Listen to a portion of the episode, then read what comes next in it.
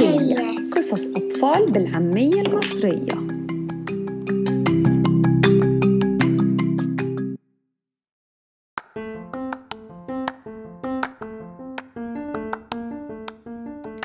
أهلا بيكم في حلقة جديدة من بودكاست بهية.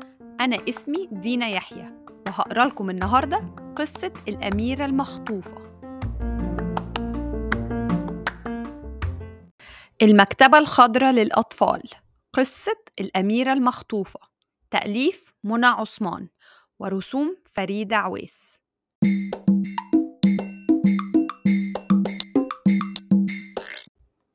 الفصل السادس طباخ الملك.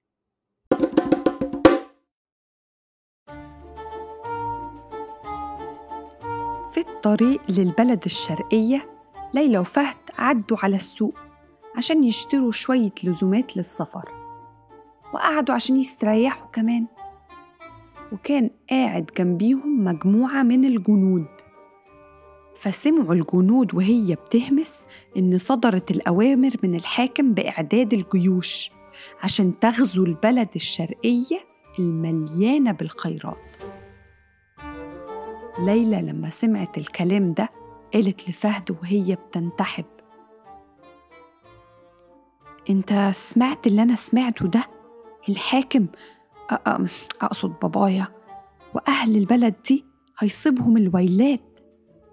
هنعمل إيه دلوقتي؟ رد فهد وهو بيفكر لازم ننطلق بسرعة للبلد الشرقية ونبلغ الحاكم بكل اللي سمعناه.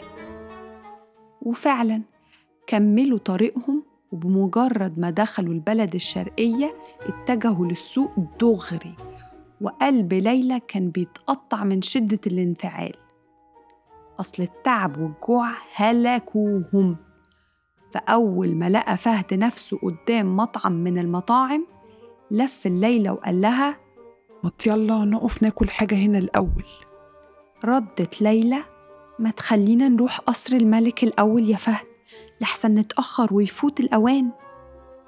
فرد عليها فهد وهو بينزل من حصانه لا يا ليلى والنبي أنا هموت من الجوع. يلا ناكل دلوقتي. وكمان يعني ما يصحش أول مرة نخش قصر الملك. نروح نطلب منه أكل برضه. مشيت وراه ليلى على مضض. ودخلوا مع بعض وسابوا شهباء وليل عند الباب. بعد ما حطوا قدامهم كومة من الأعشاب لموها من أحراش الغابة. ليلى كانت قاعدة قدام أكلها وهي ملهاش نفس تاكل. ويا دوبك بالعافية أكلت كام قطمة. فهد قال لها تشد حيلها وتاكل عشان هيحتاجوا قوتهم في المرحلة الجاية دي. اتنهدت ليلى وقالت بضجر أنا مش عايزة آكل يا فهد أنا بس عايزة نروح نحذر الملك. إحنا بنضيع وقت كده. في اللحظة دي سمعت ليلى واحد قاعد جنبيهم عمال بيكلم نفسه بصوت عالي. طباخ الملك آه والله أنا كنت طباخ وكنت بعمله أحسن من الأكل ده مليون مرة. بس طردوني طردوني ولاد الإيه؟ اخص عليهم اخص وجه واحد من المطعم عشان يطلب من الراجل يوطي صوته شوية. ليلى وفهد بصوا لبعض ومن غير تردد قامت قايمة ليلى وراحت للراجل اللي بيكلم نفسه ده. يا يا أستاذ يا أستاذ أنت بتقول أنت كنت طباخ الملك؟ بصلها الراجل بنظرة جنونية شوية. أيوه كنت طباخ الملك. إيه أنت كمان مش مصدقني؟ إن شاء الله عنك ما مسكته ليلى عشان تلحقه قبل ما ينفعل. لا لا بال بالعكس أنا مصدقة جدا. كان عندي ليك سؤال.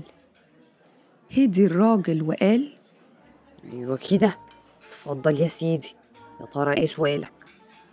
ردت ليلى وهي بتشاور على فهد. أنا وصاحبي ده كنا بنتكلم عن قصة الأميرة المخطوفة وهو مش مصدقني إن بنت الملك اتخطفت.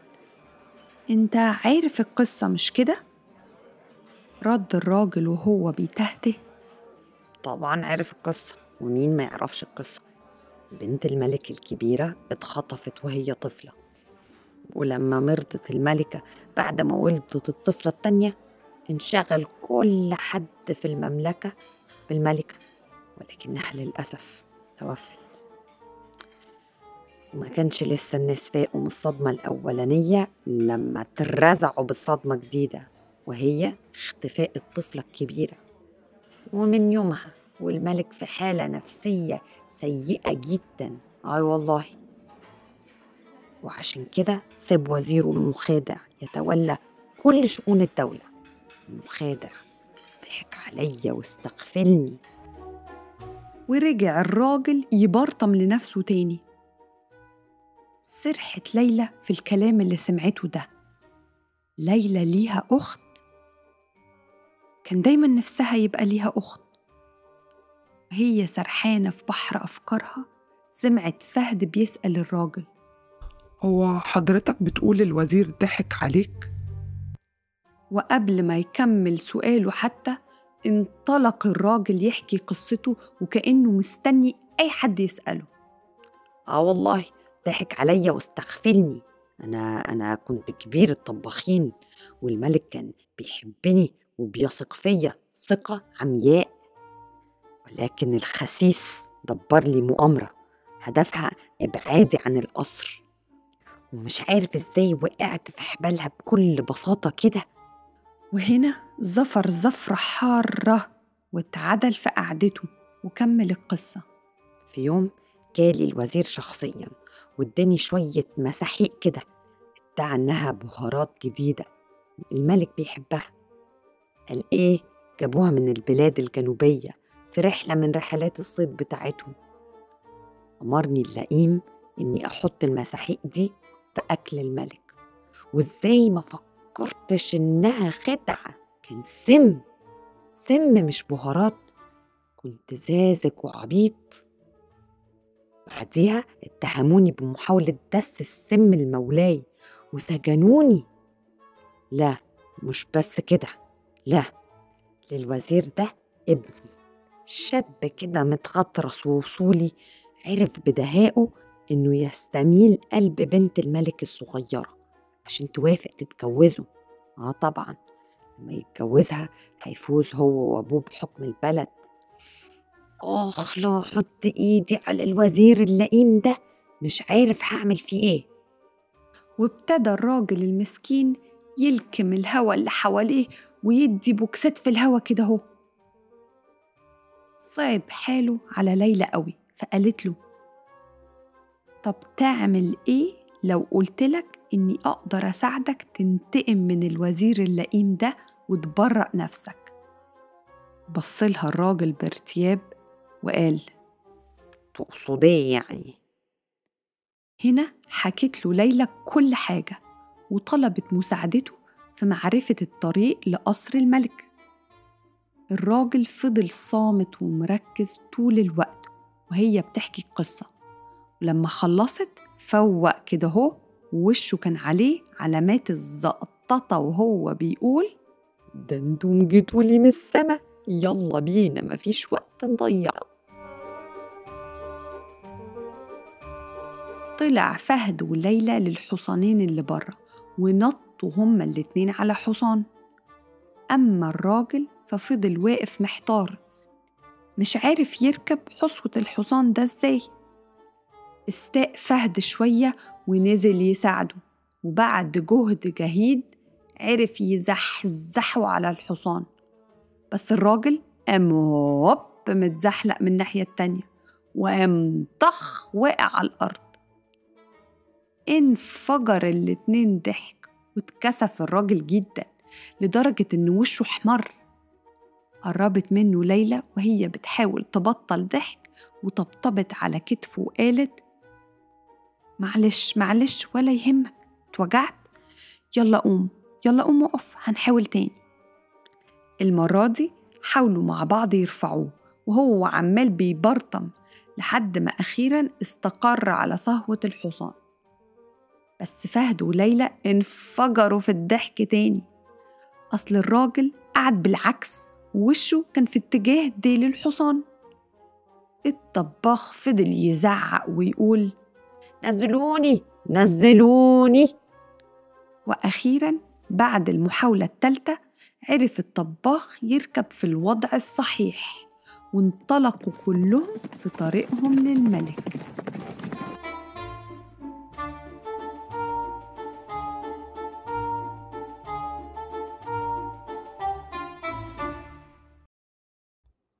الفصل السابع القصر. أول ما الثلاثي قرب من قصر الملك شاور لهم الطباخ بإنهم محتاجين يلفوا هنا.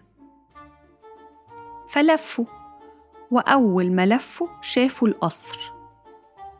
سابوا الحصنة جنب شجرة وتسلقوا السور اللي كان بيوصل لمساحة واسعة فيها كذا غرفة لخدم القصر. اتجه الطباخ وراه فهد وليلى لغرفة من الغرف وخبط الباب برفق. رد صوت من جوه نيمان مين؟ رد الطباخ بصوت واطي مليان خوف. افتح يا صديقي افتح بسرعة. وأول ما فتح الباب دخلوا التلاتة جوه وقفلوا الباب وراهم. وقف الجنايني وبصلهم بذهول وهو مش فاهم حاجة خالص. قرب منه صديقه الطباخ ومسك كتفه وهزها برفق وهمس. فوق يا صديقي إحنا محتاجين مساعدتك. وبعد ما أخد الجنايني نفسه وفوق حكوله قصتهم. فتنهد بارتياح. يبقى هيظهر الحق أخيرا. تاني يوم الصبح كانت الأميرة الصغيرة بتتمشى في حديقة القصر زي عادتها فقابلها الجنايني مبشرا مرحبا بمولاتي الأميرة أنا غرست أجمل الأزهار عند طرف الجنينة عشان أزين بيها القصر يوم فرحك ابتسمت الأميرة وانطلقت وهي بتسأل ضاحكة فين الأزهار دي يا ترى؟ وجنب حوض الأزهار الثلاثي كان واقف وراء أشجار كثيفة بيبصوا على الأميرة الصغيرة. كانت فعلا شبه أختها جدا بشكل أثار إعجاب الجميع. وبحذر شديد طلعت ليلى من مخبأها ووراها فهد ووقفوا قدام الأميرة. الأميرة اتخضت وخدت خطوة لورا وكأنها هتبتدي تجري بس اترددت وسألت أنتم مين؟ وبصت على ليلى بتمعن أكتر انت مين؟ قربت لها ليلى وهي بتبص بعيون مليانة حزن وإرادة وأمل انت قوليلي أنا مين؟ فتحت الأميرة الصغيرة عينيها وهي مش مصدقة نفسها نفس الوش نفس الشعر نفس الطول وهنا خرج طباخ الملك من مكانه وقال بصوت هادي مولاتي لو تسمحي لي الأنسة اللي واقفة قدامك دي أختك اللي اتخطفت من سنين. خلينا نحكي لك كل شيء. قعدوا هما الأربعة على الزرع وفضل كل واحد منهم يحكي جزء من القصة لحد ما وصلوا لآخرها. بكت الأميرة الصغيرة وحضنت أختها وشكرت الطباخ جدا وهي بتقول ودموعها بتسيل من عينيها الحمد لله إني عرفت القصة دي كلها قبل ما اتجوز الوغد الشرير ده. وهنا انشقت الأرض عن ابن الوزير اللي كان بيدور على خطيبته وشاف وسمع كل شيء. صاح ابن الوزير بصوت مليان حقد وكراهية. استنوا استنوا استنوا. أنتم رايحين على فين؟ أنتوا فاكريني ساذج وعبيط للدرجات دي؟ أنا مش هسيب حد منكم يخرج من المكان ده. وأشهر ابن الوزير سيفه وقرب منهم. تعالت صرخات الحاضرين فانطلق فهد لابن الوزير. وقام لكمه لكمة قوية وقعته على الأرض وطيرت السيف من إيده. وبسرعة جرجر ابن الوزير جوه أوضة الجنايني وربطه بحبل في كرسي من الكراسي. قعدت المجموعة كلها قدامه مستنيين الأميرة الصغيرة اللي انطلقت للقصر ودخلت أوضة باباها وحكت له القصة كلها برفق. يا دوب سمع الملك القصة من هنا وقام قايم من سريره واتجه مع حرسه الخاص لأوضة الجنايني وأول ما شاف بنته ليلى حضنها وبكى الاتنين بحرقة. وبعديها ساعدوا الملك إنه يقعد عشان يستريح. وهنا اندفع الطباخ تجاهه وقعد على ركبته قدام الملك وحكاله على اللي عمله الوزير. سمع الملك القصة ولف لابن الوزير اللي كان بيبصله بخوف شديد. وبعدين هز راسه كذا مرة كأنه بيقرر شيء. وبعديها أمر جنوده بأنهم يقبضوا عليه وعلى باباه. وأمر الملك بإحضار فهد وقال له أنا عايز أكافئك على كل اللي عملته. اطلب مني اللي أنت عايزه. انحنى فهد بأدب وقال مولاي الملك كل حد يعرف مدى كرمك وحسن معاملتك لشعبك. ولكن اسمح لي بتأجيل طلبي عشان أقول لك شيء أهم وأخطر من كده بكتير. أعدائك في البلد الغربية بيعدوا العدة للحرب عشان يستولوا على بلادكم. اكفى حر وش الحاكم وبص لفهد وليلى وسأل. إحنا عمرنا ما أسأنا للبلد دي. فليه بتفكر تشن علينا الحرب؟ حكت له ليلى إنهم خطفوها وباعوها في سوق الرقيق فغضب الملك جدا وقام بسرعة وقال جهزوا الجيوش بسرعة إحنا هنروح نأدبهم في بلادهم عشان يكونوا عبرة لكل حد يفكر إنه يخطف أو يسلب أو ينهب من غير ما يراعي الناس وفعلا تم إعداد الجيوش وكان فهد قائد على أولى الكتائب اللي هتهاجم البلد. وانطلقت معاه ليلى ورجعت للبيت اللي كانت عايشة فيه مع الشيخ العجوز اللي كان اشتراها من سوق العبيد. وعلت صوتها وهي بتدق على الباب. افتح افتح لابنك يا شيخ يا عجوز. فاتفتح الباب وظهر الشيخ العجوز وآثار النوم باينة على وشه. فهد قام قال له بسرعة وهو بيساعده يركب حصانه. يلا بينا بسرعة قبل ما نشن الهجوم على البلد. وفعلا قعد الشيخ العجوز ورا فهد ومسك فيه كويس وانطلقوا كلهم للبلد الشرقية. وقبل الفجر شنت البلد الشرقية الحرب على البلد الغربية وكل شيء خلص على خير. ورجعوا منتصرين.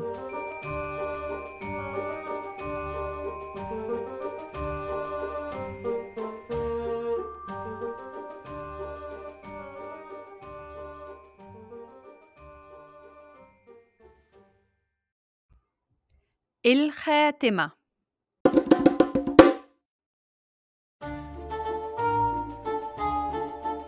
الملك رحب بفهد. وصفحه بحرارة شديدة وقال له أنت بطل عظيم. خدمتني خدمة عظيمة. ما طلبتش مني أي حاجة. فوطى فهد قدامه وقال بأدب اسمح لي يا مولاي الملك أطلب شيء. ضحك الملك وعلى صوته وهو سعيد اطلب اللي أنت عايزه. اتنحنح فهد وبص في الأرض بخجل وقال اسمح لي يا مولاي أطلب منك إيد الأميرة الصغيرة فيروز وأوعدك إني هكون ليها نعم الزوج طول حياتي. بص الملك لبنته اللي ابتسمت بسعادة وبصت في الأرض باستحياء. فأقيمت الأفراح وتعالت صيحات الشعب بالفرحة وبالنصر وبعودة الأميرة. وكان فرحهم حفل عظيم اتعزمت فيه البلد كلها. وحضرت مامة فهد وجريت عليها ليلى وحضنتها بامتنان وسألتها عن جوزها الشرير وإزاي اتخلصت منه. قالت لها الأم إنه لسه موجود بس عرفت تتهرب لمدة كام يوم عشان خاطر تيجي وتحضر الفرح. وهنا ليلى صممت إنها لازم تعيش معاهم في القصر وحتى تساعدها في شغلها الجديد. مصنع الصابون الملكي لكل الشعب.